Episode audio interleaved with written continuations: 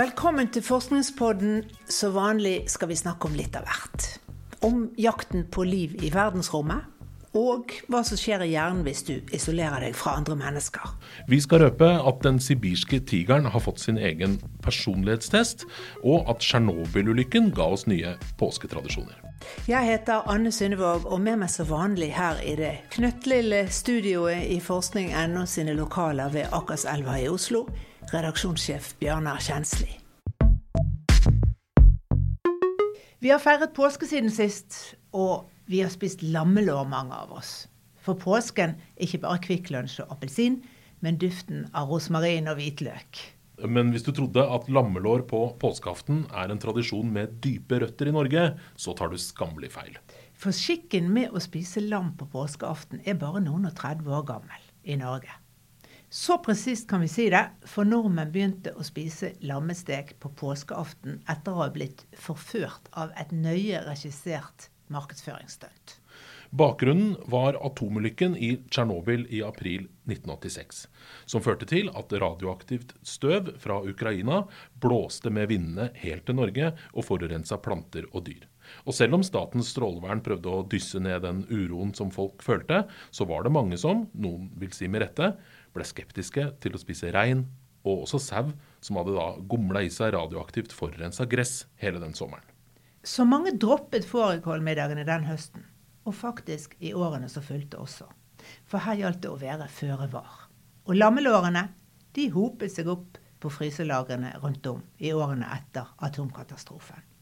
Men da var det noen som visste råd. Ja, Nemlig Opplysningskontoret for kjøtt. For begynnelsen på 90-tallet så kjørte de en intens kampanje for å markedsføre lam som påskemat. For i Johannes-evangeliet så kalles jo Jesus for eh, Guds lam, som bærer bort verdens synd nettopp i påsken. Og i katolske og ortodokse land spiser man lam. Riktignok ikke på påskeaften, men på første påskedag. Altså ikke før, men etter oppstandelsen. Men den distinksjonen var ikke Opplysningskontoret for kjøtt så nøye med. Her gjaldt det å tømme fryselagrene for lammelår. Og den som forteller dette her til Vinmonopolets vinblad, er Even Nordahl, som jobba med den kampanjen.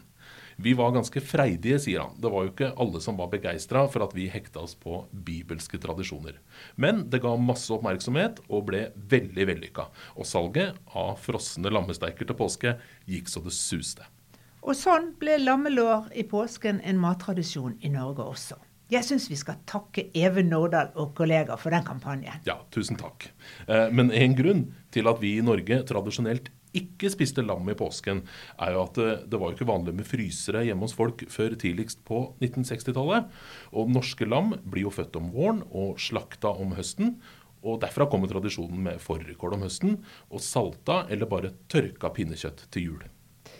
Men det som var tradisjon i Norge, det var å faste og spise mager kost i 40 dager fra fastelavns til påskemorgen, som slukket sorgen, og man kunne bryte fasten. På langfredag skulle man også spise mye saltmat, salt sild eller salt flesk, som man ble tørst av, for å lide med Jesus, som tørstet på korset. Langfredag skulle kvinner og menn også gjøre tungt og uvant arbeid. Man skulle lide med Kristus hele dagen. Og det hendte seg at mennene gikk med sand i skoa på de verste veiene i skogen til blodspruten sto. I hvert fall i Setesdal, ifølge en bok om uh, gammelt ord Setesdal av Johannes Skar.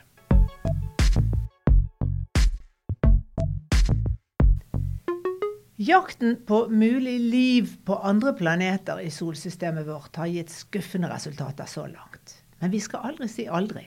Det er mye igjen å undersøke der ute. Og nå er en ny romsonde, et lite ubemannet romfartøy på størrelse med en familiebil, skutt ut i retning Jupiter for å fortsette letingen etter liv. Men ikke på Jupiter selv. Jupiter det er en enorm gassplanet, og også den største planeten i solsystemet vårt. Men Jupiter har mange måneder. Astronomene oppdager stadig flere, og siste telling viser 92 måneder rundt Jupiter. Og noen av disse er spesielt interessante. Det er de fire galileiske månedene som har fått navnet etter Galileo Galilei, som spottet de allerede i år 1610. Det er Ganymede, Europa, Callisto og Io. Dette er is- og steinmåner. Dvs. Si at overflaten er en iskappe, og under den ligger et stort undersjøisk hav med saltvann. Og innerst inne en kjerne av stein. Den 14. april så skøyt den europeiske romfartsorganisasjonen ESA altså opp romsonden JUICE med kurs for Jupiter. Det skjedde i fransk Guyana i Sør-Amerika, som ligger nære ekvator. Og det er et gunstig oppskytningssted, fordi jorda den roterer raskere ved ekvator, så da får JUICE ekstra god fart. Og det kan han trenge, for det tar åtte år før JUICE er fremme ved Jupiter. Og der skal han etter planen utforske Jupiter og disse månene i tre år. Amerikanerne har allerede en romsonde der oppe. Juno heter den. Og den har vært der siden 2016 og går fortsatt i bane rundt Jupiter. Så disse to romsondene kommer til å hilse på hverandre. Ja, Men tilbake til hovedspørsmålet. JUICE skal altså undersøke om det kan finnes liv på Jupiters måner. Og det er på månen Europa forskerne har størst tro på at man kan oppdage noe fordi Europa ser ut til å ha en relativt ung, aktiv iskappeoverflate som vannstråler presser seg ut gjennom. Og ettersom selve planeten Jupiter er så enorm, det er plass til 1300 jordkloder inni den, så har han en ekstremt tyngdekraft som igjen skaper bevegelse inni Europas steinkjerne. Og den bevegelsen gir nok varme til å holde et flytende hav i gang under isskorpen. Og der det fins flytende hav, der er det håp, sier fagsjef ved Norsk Romsenter Pål Brekke til forskning.no. Hvis temperaturen er riktig, så kan liv ha oppstått her. Romsonden JUICE, som altså står for Jupiter Icy Moons Explorer, skal studere disse skjulte havene på de galileiske månene, og også studere nærmere atmosfæren rundt gassplaneten Jupiter, som vi veit lite om. Den store røde flekken på Jupiter f.eks. er en enorm gassvirvel en storm som har rast i hundrevis av år, men forskerne veit fortsatt ikke hvorfor den er rød, eller hvorfor de øverste lagene i Jupiters atmosfære er så utrolig varme. Kanskje Juice kan finne ut av det også.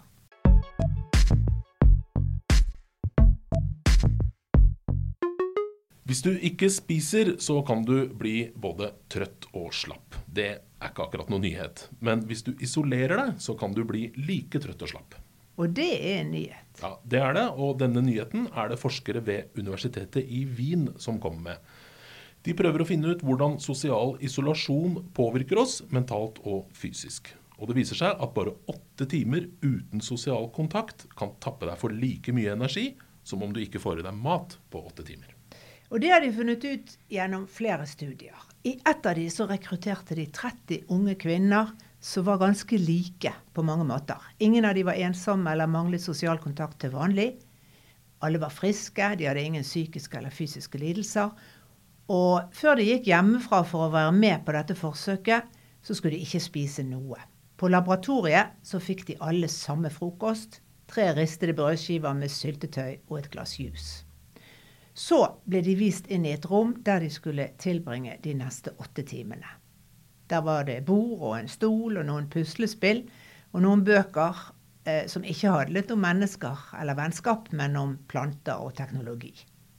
De hadde ikke telefon eller PC, og de kunne ikke kontakte utenverden på noen måte. Og sånn tilbrakte de tre dager, hver dag i åtte timer. Den første dagen fikk de både spise godt, mat ble brakt inn annenhver time, og etter maten så fikk de denne dagen tilgang til telefonen sin, så de kunne ha kontakt med venner i til sammen to av de åtte timene. Den andre dagen fikk de også mat hver andre time. Men da fikk de ikke ha noen form for kontakt med noen i løpet av de åtte timene. Og den tredje dagen da fikk de verken mat eller sosial kontakt med noen i løpet av dagen.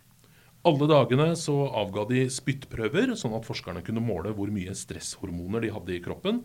Og de målte pulsen deres, som er et annet mål på stress. Deltakerne de besvarte også spørreskjemaer om hvordan de opplevde situasjonen. Var de stressa, hvordan var humøret, hvor opplagte følte de seg, og var de sultne osv. Og Resultatene er interessante. For den dagen de ikke fikk mat, så følte de seg naturlig nok slappere. Det var forventet. Men de følte seg omtrent like slapp den dagen de fikk mye mat, men ingen sosial kontakt. Det ser altså ut til å være en slående likhet mellom mangel på sosial kontakt og mangel på mat. Begge deler gjør at deltakerne får mindre energi. Og det bare etter åtte timer med sosial isolasjon. Og dette var uventet, sier forskerne.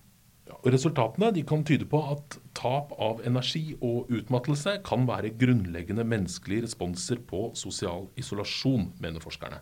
På linje med sultfølelsen, altså når vi ikke spiser, så starter en rekke prosesser i kroppen og hjernen som gjør at vi blir sultne og vil spise. Men mennesket er også et sosialt dyr, så når vi blir isolert fra andre, så skjer en prosess i hjernen som gir oss mindre energi, og som motiverer oss til å koble oss til andre mennesker igjen. Dette kan rett og slett være kroppens måte å si fra på at nå er det på tide med sosial kontakt. Og disse resultatene stemmer med resultatene som de samme forskerne fikk fra en studie av nærmere 90 personer under nedstengingen under pandemien. Deltakerne rapporterte hvordan de følte seg de dagene de var helt isolert, og de dagene de hadde noe sosial kontakt.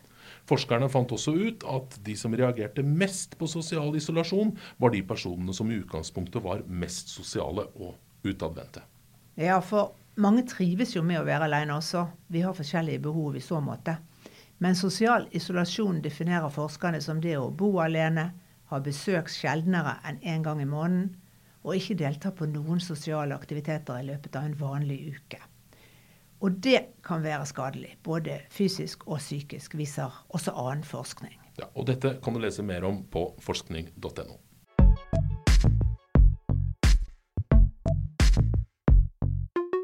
Personlighetstesten Big Five tar mål av seg til å fange vår personlighet. Og det er denne personlighetstesten som er mest brukt av både psykologer, headhuntere og datingsider. Den måler fem grunnleggende personlighetstrekk, f.eks. om du er ekstrovert eller introvert, eller hvor lett du har for å bekymre deg. Men hva med dyrs personlighet? Kan den også beskrives med fem personlighetstrekk? Det er ikke så vanlig, nei. Men nå har forskere gjort et seriøst forsøk på å beskrive den sibirske tigerens personlighet. De begynte med å samle adjektiver som de som jobba med tigerne i kinesiske dyreparker brukte når de ble bedt om å beskrive de ulike tigernes temperament. Som f.eks. ord som obsternasi, dum, vennlig, fiendtlig og tilpasningsdyktig.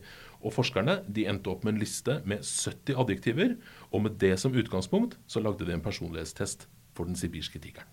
Og Denne testen brukte så dyrepassere og veterinærer i to kinesiske dyreparker til å vurdere personligheten til den enkelte sibirske tigeren. I disse store parkene som ligger nær byen Harbin, helt nord og øst i Kina, lever dyrene mest mulig som i det fri. Du kan kalle det et slags semifangenskap. Og her holdt til sammen 248 tigere til da forsøket ble gjennomført, og alle tigrene ble vurdert av minst tre forskjellige personer. Litt av en jobb. Ja, Og hva fant de for noe? Jo, de fant to grunnleggende personlighetstrekk hos tigeren, som de kalte majestet og stødighet.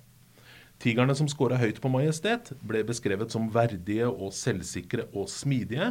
Og tigerne som scora lavt på dette trekket, ble beskrevet som tilbaketrukne og svake.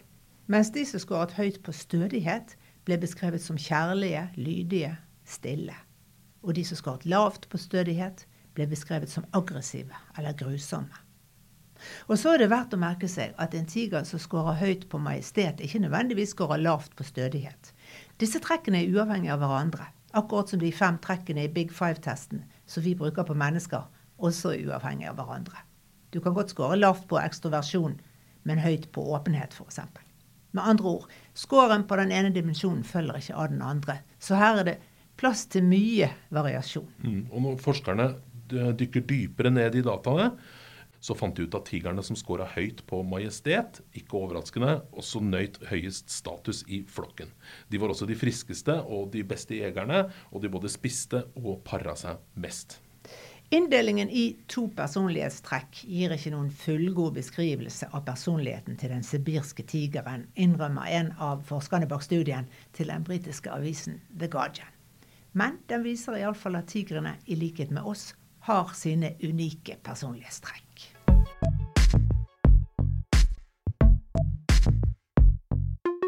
Helt på tampen, Bjørnar, det er mange fordeler med å være midt i livet. En av dem er at som 40-åring er du mer konsentrert enn noen gang før eller seinere. For det viser seg at evnen til å konsentrere seg, altså å forstå hva som er viktig her og nå, og klare å holde fokus, det er en så komplisert øvelse at det er noe av det siste som blir ferdig utvikla i hjernen. Og det er i begynnelsen av 40-åra at konsentrasjonsevnen er på topp. Etter det så snur det, og du blir gradvis dårligere på å konsentrere deg ettersom åra går. Men det kan eldre mennesker kompensere for gjennom livserfaring, som gjør at de lettere da kan sortere ut det som er viktig, og sånn sett være mer effektive. Ja, og takk for det. I gjennomsnitt så klarer en 40-åring å konsentrere seg i fem timer. Men det er store individuelle forskjeller, og det kommer selvfølgelig også an på type oppgave som du arbeider med. Til sammenligning så klarer en 18-åring i snitt å konsentrere seg i én time av gangen. Og for barn er snittet enda lavere, sier psykologiprofessor Linn Sørensen ved Universitetet i Bergen.